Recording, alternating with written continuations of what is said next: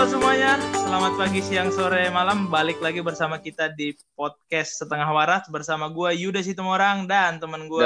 Dan gue Jason Filbert. Selamat pagi, siang, sore, malam. Hari ini kita spesial banget, Jess, karena pertama kalinya podcast kita Setengah Waras akan kedatangan tamu, seorang pahlawan. Sebenarnya udah dari dulu sih sebagai pahlawan, tapi saat ini semua sangat merasakan butuh akan kehadirannya, Jess. Apalagi situasi COVID-19 ini, pahlawan kesehatan. Kita akan banyak sekali membahas terkait COVID-19 dan bagaimana perjuangan yang dilakukan oleh teman-teman kita atau rekan-rekan medis. Pahlawan yang satu ini bekerja di salah satu rumah sakit yang ditunjuk sebagai penanganan pasien COVID. Mari kita sambut langsung saja bersama Dokter Nabila Nauli. Halo. Yeay, halo. Selamat pagi, siang, sore, malam. Baik, makasih sudah mau hadir di podcast kita. Enaknya dipanggil apa nih? Dipanggil Uli aja, jangan dipanggil dokter. Kan lagi nggak praktek. Oke, oke, oke. Mungkin gue mau nanya dulu sih. Kondisi sekarang ini gimana sih perasaan lo terkait dengan COVID-19? Ya, terkait dengan COVID-19 ya masih uh, was-was juga kali ya. Kayak kalau misalnya dulu rumah sakit kan isinya banyak penyakit ya. Kalau misalnya dulu penyakit aja udah banyak gitu yang menular, sekarang ditambah lagi COVID yang pandemi, makin was-was aja ke rumah sakit was-was, mau ke mana-mana juga was-was, keluar, keluar rumah juga was-was. Orang biasa aja tuh khawatir gitu gimana gue atau tenaga medis lainnya yang ke rumah sakit yang di mana isinya gudang penyakit dan termasuk apalagi rumah sakit gue kan nih yang menangani COVID. Jadi ya khawatir dan was-was sih sekarang kondisinya. Jadi uh, kan sekarang kita lihat untuk menjadi dokter ini tantangan yang berat ya untuk masa-masa pandemi ini. Nah, mm-hmm. gue jadi inget masa dulu ketika banyak ketika kita kecil bercita-cita jadi dokter, ya, ya kan? Banyak yeah. anak kecil bisa cita-cita jadi dokter. Dan yeah. sekarang ini kan uh, Uli udah jadi dokter. Sudah kesampaian sudah menjadi orang-orang terpilih dari mimpi-mimpi sekian juta anak kecil pada saat itu. Oke. Okay. nyesel nggak? Mm, nyesel nggak? pas pas tiba-tiba jadi dokter terus pandemi nih. Nyesel nggak sih? Sebenarnya sih nyesal sih enggak ya. Cuma pas ketika di awal gue memutuskan untuk jadi dokter atau yang masuk ke fakultas kedokteran kayak siapa yang nyangka akan menjadi dokter di masa pandemi seperti ini gitu. Siapa yang nyangka akan ada pandemi Yo, kayak gini.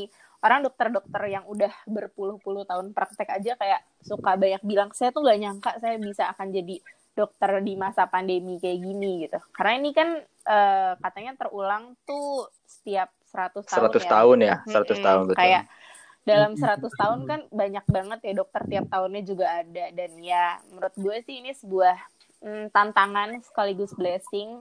Berarti orang-orang yang seperti yang mungkin tadi dibilang kali ya orang-orang yang terpilih yang bisa menjadi dokter di masa pandemi seperti ini dan apalagi bisa terjun langsung yang menurut gue itu uh, sebuah tantangan sekaligus anugerah. Berarti ya dianggap oleh Tuhan gue dan tenaga-tenaga medis yang sekarang terjun adalah orang-orang yang mampu untuk uh, membantu di masa pandemi seperti ini gitu.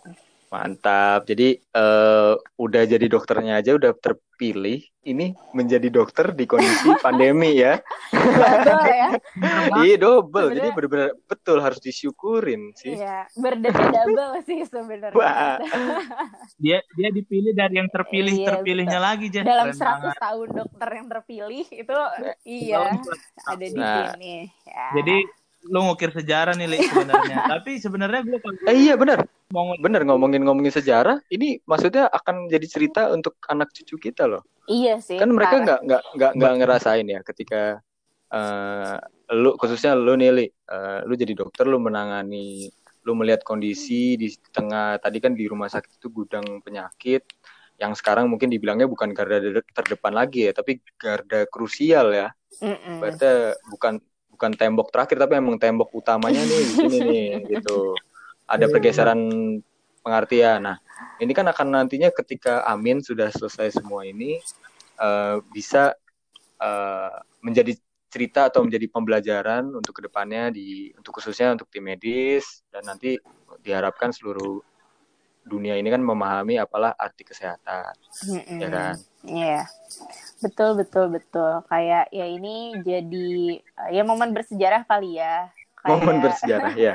ya maksudnya dalam 100 tahun gitu ini cuma terjadi setiap 100 tahun. Ya sebenarnya bukan untuk disyukuri sih, tapi yeah. memang kalau misalnya menurut gue semua hal pasti harusnya ada hmm, silver liningnya, harus ada pembelajarannya. Setidaknya iya. dengan momen seperti ini orang-orang jadi lebih aware tentang kebersihan, kesehatan. Mungkin gaya hidup orang juga akan jadi berubah. Yang misalnya dulu nggak peduli nih sebelum makan cuci tangan dulu apa gimana. Sekarang dikit-dikit akan cuci tangan. Mungkin awalnya akan dipaksa ya mungkin ada beberapa orang yang merasa terpaksa juga tapi ya diharapkan kan itu bisa menjadi ya bagian dari hidup dan betul apalagi di gitu. ya apalagi di Indonesia kan uh, bisa di kita sadarin lah ya masih hmm. banyak siapa sih yang budaya makan pakai tangan kan Indonesia ya, itu cuma Indonesia ya? Asia, Asia.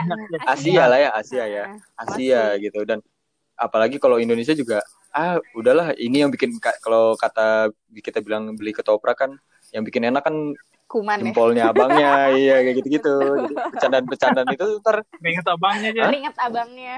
Iya keringet abangnya. Jadi itu kayaknya kayak gitu-gitu nanti bakal berubah ya depannya. Iya sih mungkin kalau misalnya ya gitu sih. Kalau emang di hal ya lagi disaster kayak gini atau lagi pandemi kayak gini emang harus mencari hal-hal yang disyukuri ya. Salah satunya adalah perubahan pola gaya hidup masyarakat yang lebih aware dengan kesehatan dan juga kebersihan. Menurut gue itu sih. Soalnya kalau misalnya kita um, apa ya kita mengutuk terus kayak kenapa sih ini terjadi? Kenapa sih ada covid? Ya itu kan gak akan selesai dan tidak akan menyelesaikan masalah. Jadi ya uh. ya udah.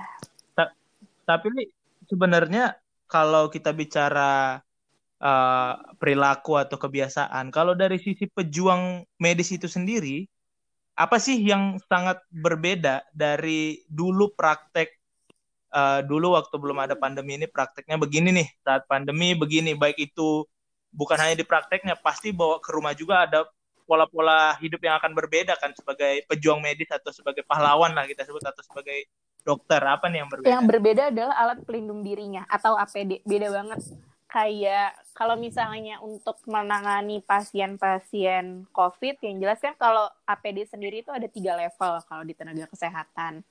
Level yang pertama itu adalah yeah. untuk yang bukan menangani pasien yang sudah terkonfirmasi bukan COVID.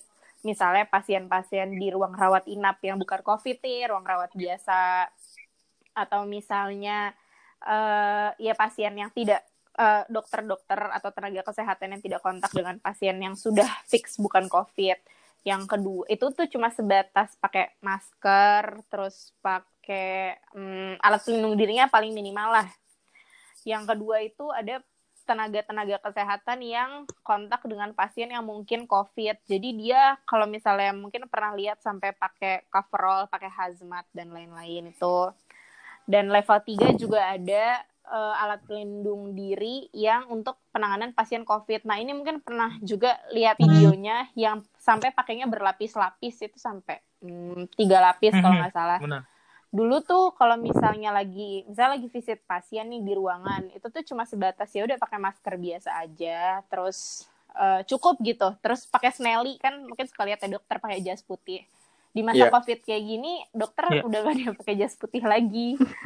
sama iya. sekali. Udah pakai udah pakainya asmat itu iya, ya. Iya, udah pakai hazmat putih. Atau kalau misalnya ke dokter atau tenaga medis yang eh, nggak uh, pakai yang nggak ke pasien covid kan sebenarnya nggak pakai hazmat ya paling kita ganti hmm. scrubs hmm. atau ganti kayak baju mungkin suka lihat kayak baju uh, baju jaga gitu kali ya atau baju yeah. baju rumah sakit nah kayak gitu sih kalau dulu tuh kita nggak terlalu hmm, kita aware sih sama alat pelindung diri tapi nggak nggak nggak terlalu heboh lah. Kalau sekarang kan sampai berlapis-lapis kayak gitu sih paling jadi bedanya kerasa banget. Oh. dan yang apa di level 3 yang tadi gue bilang apalagi buat yang langsung menangani pasien covid itu jujur panas banget loh kayak sesak nafas gitu di dalam situ nah itu. Nah itu yang uh, kita mau penasaran juga nih. Mungkin uh, teman-teman kan tidak tahu lah uh, kita aja tuh menjenguk teman kita yang non covid lah ibaratnya di luar penyakit pernafasan juga agak sulit kan di rumah sakit sekarang. Mm -hmm. Jadi kita agak sulit untuk mengetahui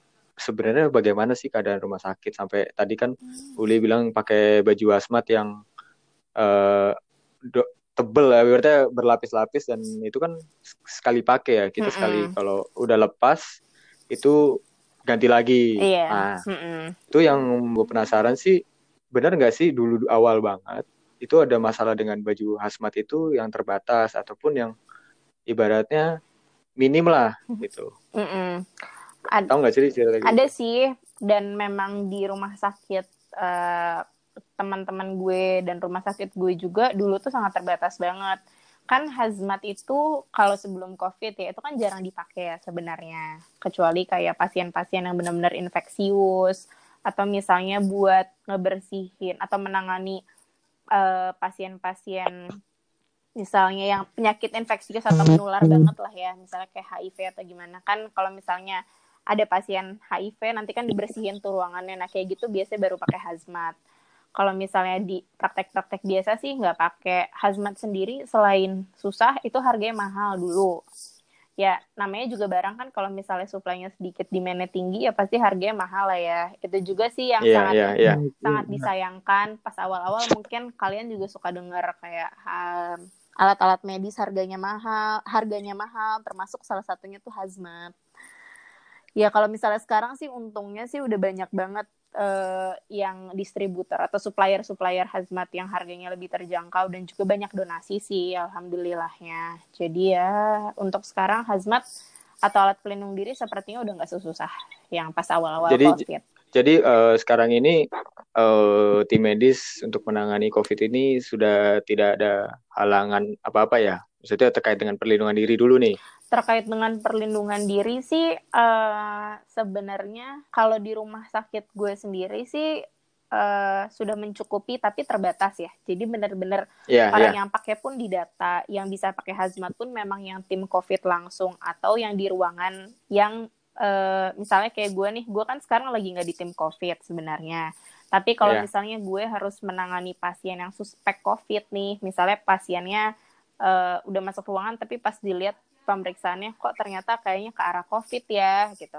Nah itu baru gue yeah. pakai. Jadi nggak semua orang bisa pakai hazmat kayak gitu. Jadi didata banget karena memang terbatas, masih terbatas.